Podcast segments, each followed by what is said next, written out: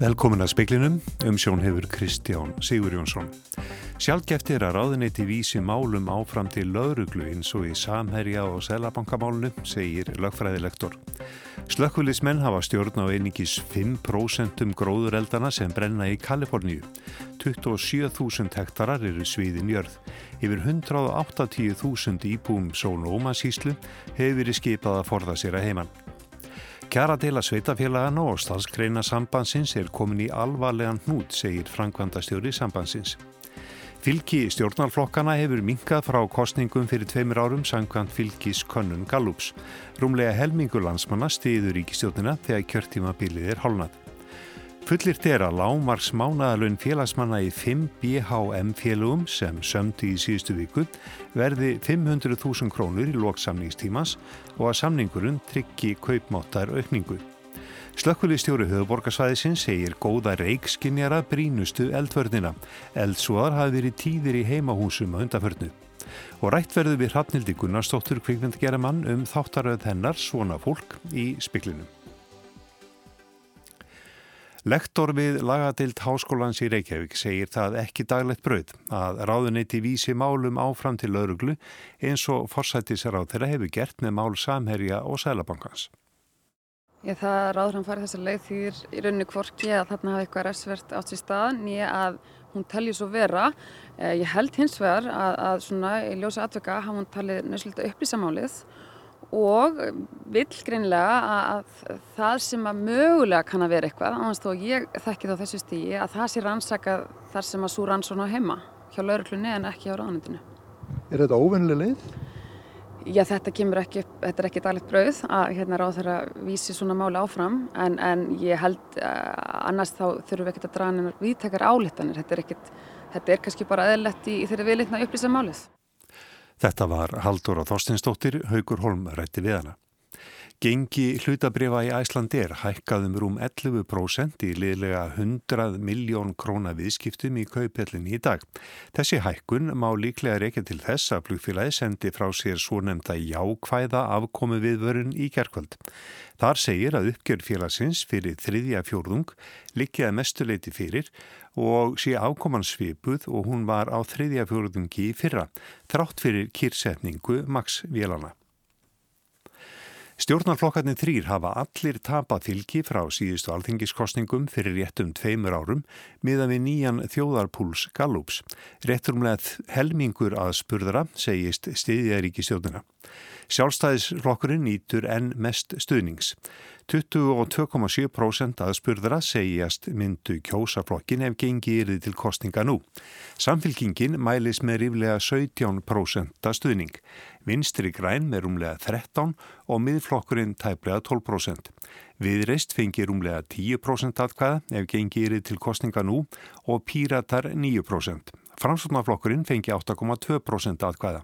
Flokkur fólksins mælis með tæplega 5% stuðning í þjóðarbúlsinum. Nánar má lesa um niðurstöðnar á vefnum rúf.is. Hátt í 200.000 íbúum Sónóma síslu í Kaliforni hefur verið skipað að forða sér að heimann vegna gróðurelda sem þar brenna. Þúsundir slökkvölismanna berjast við eldana en fá við lítið ráðið.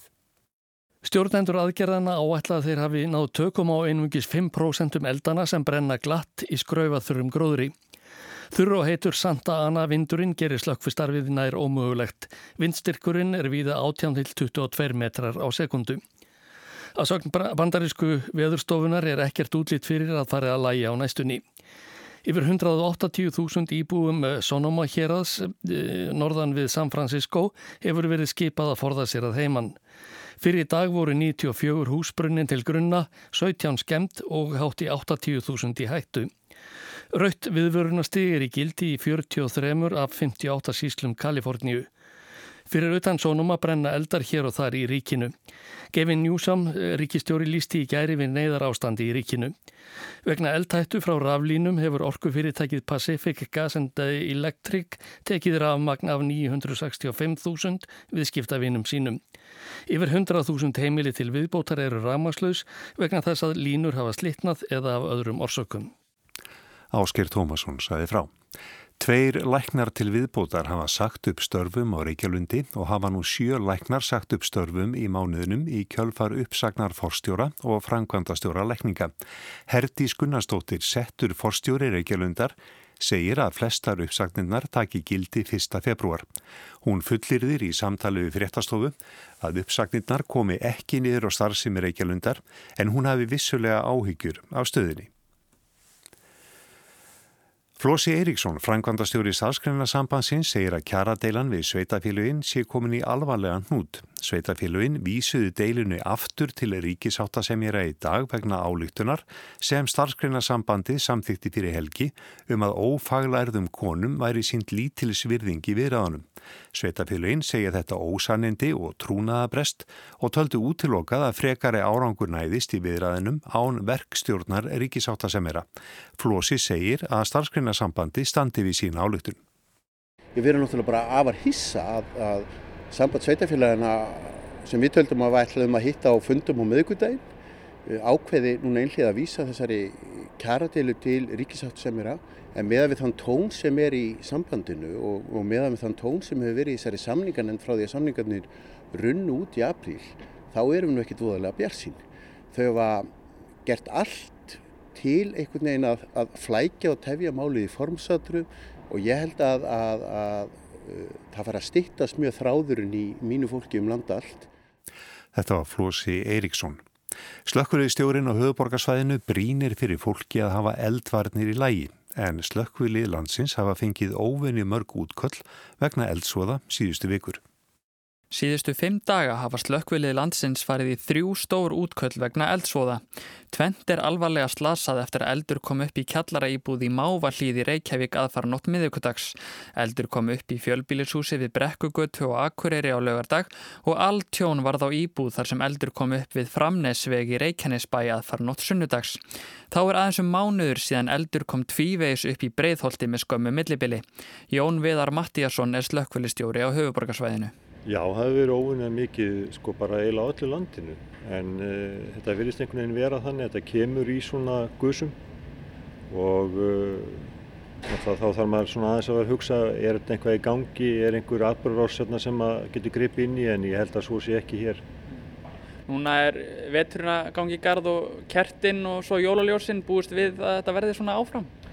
Nei, ég á nú ekki vona því en það sem er náttúrulega stendur upp úr í öllum þessum hlutum varandi brunavarnir að fólk sé með góða reikskinnir þannig að þeir fá að vita eins fljótt og hægt er ef einhvað bregður út af til þess að bjarga sér og sínum. Þetta var Jón Viðar Mattíasson, Andri Irkil Valsson talaði við hann. Vegagerðin vara við því að fær geti orðið erfið í nótt og fyrramálið því búast með við frostrykningu með glerhálku á Suðurlandi á ringveginu millir hveragerðis og hellu og ekki síður í uppsveitum. Á höfuborgarsvæðinu rignir sint í kvöld og verður sumstaðar ísing en það línar í fyrramálið. Það er óætt að segja að heimildamindaröðin Svona fólk sem sínd var á rúf síðastliðin 5 sunnundaskvöld hafið vakið verðskuldað aðtegli. Svona fólk fjallar um mannreitndabaróttu homma og lesbija, hins egin fólks. Hér á landi síðastliðin rúm 40 ár frá því að samtökin 78 voru stopnud. Erfiðleikana og fordómana sem mætti þeim í upphafi, sigra og ósigra. Gjörbreytingu á viðhorfið þjóðarinnar um miðjan tíund áratíin, réttarbætur lögjafans, tregðu þjóðkirkjunar til að viðkjöna fullan rétt samkynniðra og í lokin klopning og sárindi í samfélagi þeirra sem enn hafa ekki gróið. Höfundur myndarinnar er Hrafnildur Gunnarsdóttir. Hún vanna myndinni í 26 ár. Speillin rætti við Hrafnildi í dag. Fyrsta viðtalið tók ég 1992 og Málið sem að hreyði við mér á þeim tíma var alnæmið. Þá er ég heflað 30, 28 ára og uh, við erum að upplifa það að vinnur okkar jafnaldrar er í hrönnum að veikjast og deyja. Það var daldið álag og hérna, ég tók þá viðtal við ágættan vinn minn Björn Braga Björnsson og það í raun og veru lætur boltan rúla. Þannig að ég reyndi að fá fjármagn þá strax í einhvað að geta sapnað þessu efni en það gekk afar ítla, það var ekki marga sjóð að sækja en allavega allstaðar kom ég að loka um dýrónum en samt það var gríðalór áhugi. Og ég raun og veru fyrsta fjármagnin sem ég fær það er bara í kringum 2002 og svo fekk ég vilir frá kveikmyndasjóði 2003 en verkefni sem sagt tefst af mörgum ástæðum og í raun og veru er það bara í, í baksinnispeglinum gott mál vegna þess að þarna fekk ég tækifæri til þess að ljúka við mjög mikilvæga sögu yfir þetta 40 ára tímabil. Varstu allan tíman með það í huga að hafa þetta í, já, svona langt? Nei, ég ætlaði að gera eina kvikmynd, eina kvikmynd í fullri leng og það er í raun og veru ekki sko fyrir enn 2014-15 að ég átti máði að það er bara engin leið að ég geti klikt þetta niður í 90 minna kvikmynd og uh, þá fór ég aftur að tala við Skarpín Guðmundsson. Það skar að gerða stjóra og herru, Ólafsdóttir hérna hjá Rúf og þau voru til ég að kaupa fjóra hálftíma þætti en ég vissi strax að það myndi heldur ekki duga sko. Og ég kom aftur til þeirra og ég sagði ég verð bara þetta verða 45 minútna þættir. Gætu verið lengri og, og þeir verða að vera 5 verðna þess að þá var alveg ljóst að alnamið varða að sitja í miðjunni með sin eiginlega nánast sin eigin þátt. En þú hefur viðað að þér miklu efni bæði sjálf og síðan fengi annar stað frá Já, ég passaði upp á það að taka viðtöl og það voru mjög margir sem að hjálpuði mér að leiðinni. Þetta var ekkit ég einn, það er náttúrulega sjálfnast þannig, bæði kvikmyndatökumenn og spyrlar og en ég passaði sem sagt upp á það að taka upp efni með til dæmis Guðuna Baldursinni og Gulla Rakara og Stellu sem var mikill og litriku karakter í okkar samfélagi og, og svo náttúrulega fór þetta fólk bara að deyja og hverfa og sagan með þeim og sem betur fyrir að þá hafði ég náð einhverju viðtölum á band. Hvað finnst þér svona standa upp úr? Það eru þarna nokkrir hápunktar. Jú, jú. Sko hápunktar þarf að segja að það, þeir hlutar sem hafa svona mikil áhrif á okkar réttindabaróttu að þá var augljóslega lögum staðfestasamvist sem að gengju gildu 96 og öll svo umræði sem átti sér stað í samfélaginu fram að þeim tíma það olli algjörnustur einhverjum. En samaskapi að þá var alnæmið algjör örla valdur í þessu þarna vörðu sanginniðir og homar stærði samfélaginu sem að yfirvöld þurftu að tala við. Og einhvern veginn að þá hafði það þau áhrif að lokum að íslenska fjölskyldanir en að veru bara tók málið upp á sína arma þannig að það var mjög mikilvægt. Að þarna hafi mörgum verið fórnað ungum fallum strákum sem að bara breytist í gammalmenn og dói á skömmum tíma. Og svo tel ég líka að fjölskyldurétturinn og það var reynda mjög áhugaverð bók sem að Þorvaldur Kristinsson og Rámið Tröstadóttur gáfi út 2003 eh, eitthvað slikt um fjölskylduréttin. Og, og svo náttúrulega er verið að reyna að koma þessum lögum í gegn um leifi til ætleðinga, leifi til stjúpætleðinga vegna þess að fólk bjó náttúrulega í samböndum og, og réttur makans var ekki treyður og þegar að þessi lög fór í gegn það var líka mikið grettistak komaði í gegn. Þú minnist þarna á íslensku fjölskylduna, hún hafi tekið málind aldrei í sínar hendur, það gerist já nánast á einni nóttu. Nánast á einni nóttu. Hvað er meðan tíund áratíð? Já. Er þetta einstakt meðal þjóða? Ég held það, veistu það, það er meiri námt hérna. Ég bjó náttúrulega sjálf í, á vestuströnd bandaríkjana til langs tíma og uh, þar bjó maður svona í, þetta er svona ákveði gett og þú ert ekki með, fólk býr ekki þar og fjölskyldu þeirra eru í návist uh, þannig að þetta er svona gett og, fólk talar um gei fjölskylduna sem er vissulega líka alveg valið en Mér finnst það að vera þannig að íslenska fjölskyldur bara henga á ekki lengra sko. Þetta er bara okkar fjölskylda og, og það var mjög fallegt. Ég gerði kveikmynd þarna reyn og bein í kringum aldamót með Þorvaldi og það voru sem sagt foreldra sem voru þá bara búin að reynu vera að slá skjaldborg í kringum sína. Þannig að það er stór partur. Í síðasta þættinum verður hann átakafundur 2016 og þú tekur nokkuð skýra afstöðu í því máli að samtengin 78 þau breytust þarna. Eru sárin ógróin eða? Já, vissulega. Þau eru ógróin að mörguleit. Já, þau eru bara ógróin. Það er ekkert að neinu leiti, það er bara þannig. Vísu skal það nú alveg viðkennast að samtökjum þróast yfir langan tíma Það hafa verið átök á öðrum tímum en tverja tvíkin hefur vildu inn og svo í minni tíð sem formaður að þá tóku við transmálin upp á okkar arma. Mér fannst ómulagt að transfólk væri fyrir utan samtökin en það var vinna sem átti sér staðið yfir tvekja þryggjára tímabil og þá hefði ég beðið til þess þá sem voru mest á mótiði að þetta er tekið inn undir væng samtakana að vera með okkur í þeirri vinnu og vinna greinagerðir. Þannig að það var svona taldu öruvísi stemming.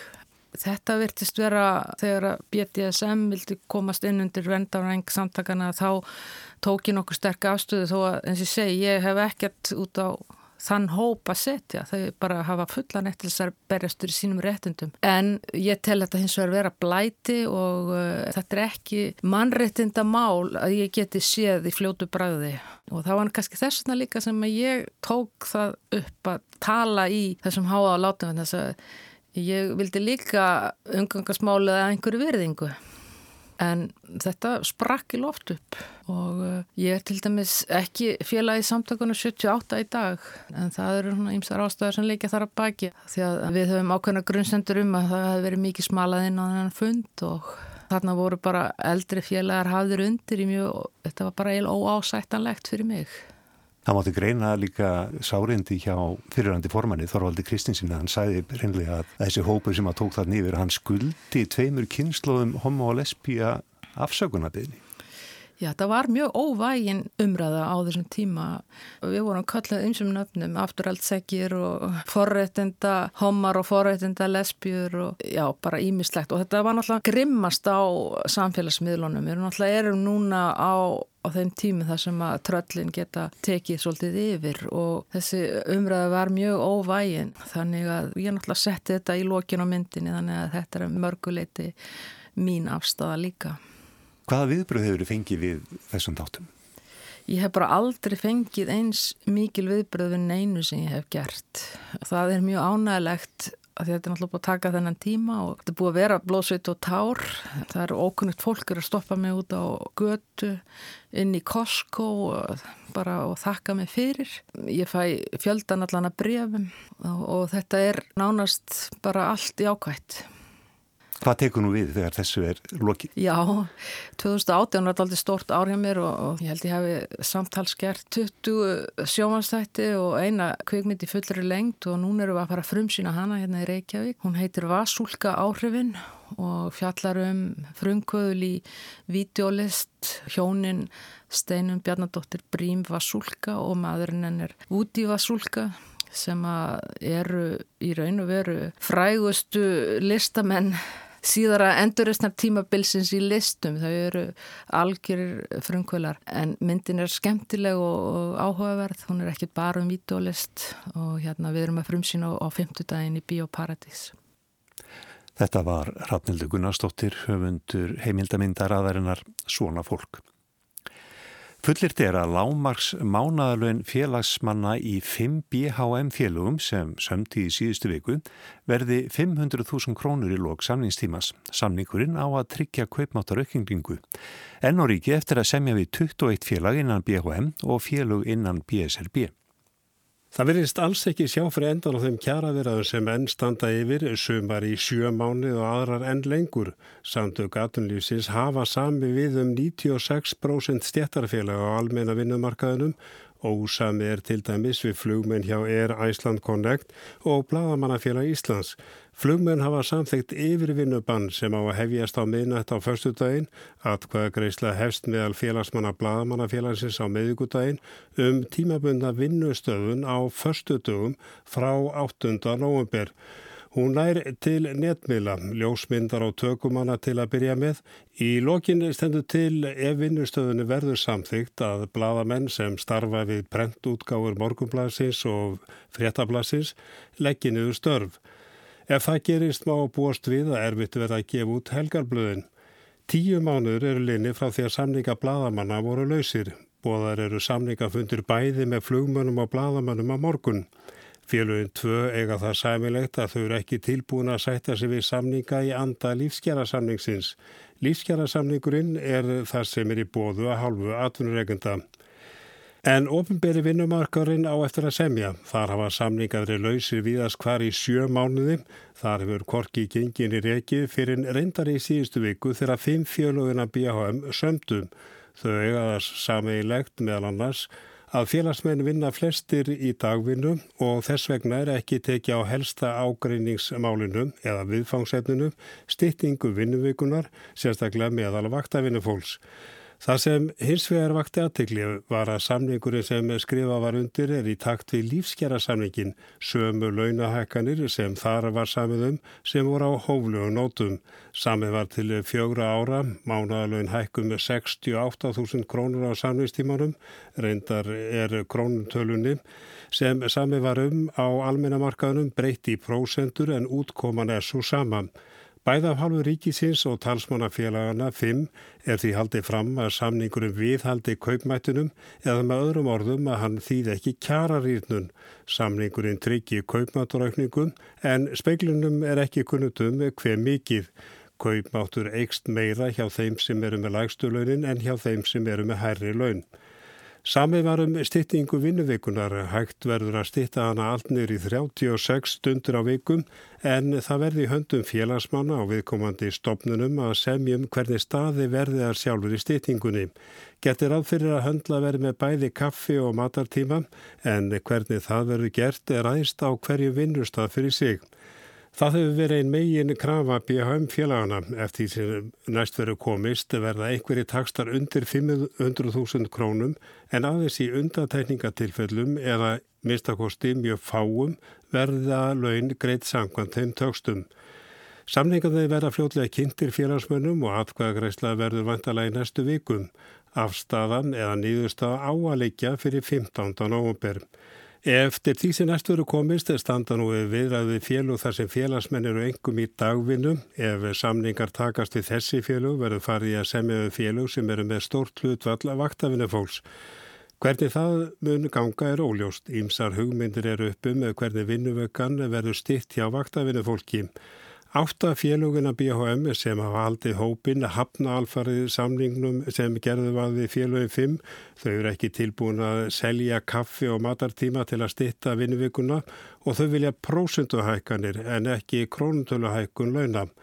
Hækkanir sem skila kaupmáttaraukningu og að lámaslaun verði 500.000 krónur. Þau telja greinlegan að samningur félagana 5 uppfylli kvorki kaupmáttaraukningu nýja 500.000 krónar lámaslaun meða við þau tilbúð sem hafa verið á borði félagan áttan. Árni Stefán Jónsson, formaður samengis innan BSRB, hefur gaggrindi samning BHM félagana. Með þeim hafi samstæðan verið rofin. BSRB hefur alfari hafnað því að stytting vinnuvikunar félist í að kaffi og matartímar verði styttir. Arnar Pál Haugsson sagði frá. Í þjóðaratkvæðagreislinum sjálfstæði skota árið 2014 vildu 55% áfram vera hluti að Breitlandi. Í ESB þjóðaratkvæðagreislinni guðsu 62% skota vera áfram í Európusambandinu. Nú þegar hinnir Európu sinna skotar sjá fram á útgöngu Breitlands úr Európusambandinu er sjálfstæðishugmyndin aftur komin á kreik. Skotar eru einlegir Evrópusinnar og margir þar óanæðir að brettar drægi skota úr ESB með sínu brexit. Bóðskapur skorska þjóðarflokksins og flokksleðtóðans Nikulu Sturgeon er því skýr. Flokkurinn vil hið fyrsta, aðra þjóðaratkvæðgreðslu um sjálfstæði Skotlands. Það verður þó ekki án samþykis breska þingsins og Boris Johnson fórsætsáður að breyta er mótfallin slíku þjóðaratkvæði. Eins og forverinn Theresa May telur Johnson að ekki eigi að greiða þjóðratkvæði um sama mál nema með kynnslóðar millibili eða svo. Öldungis ótímabært að kjósa aftur svo skömmu eftir þjóðratkvæðgreðsluna 2014 þar sem 55% skoskra kjósenda stuttu óbreytt ástand áframhaldandi veru skota í breska þjóðarsambandinu. Í skosku þjóðratkvæðgreðslunu 2014 virtist útganga breyta úr Evrópusambandinu fjarlægur möguleiki. David Cameron, þáverandi fórsætsræðra í samsteipustjórn íhalsflokksins og frjálslinda demokrata, var reyndar búin að lofa breytum þjóratkvæðagreðslu um ESB-aðildina eða flokkurinn næði meiri hluta í næstu kostningum.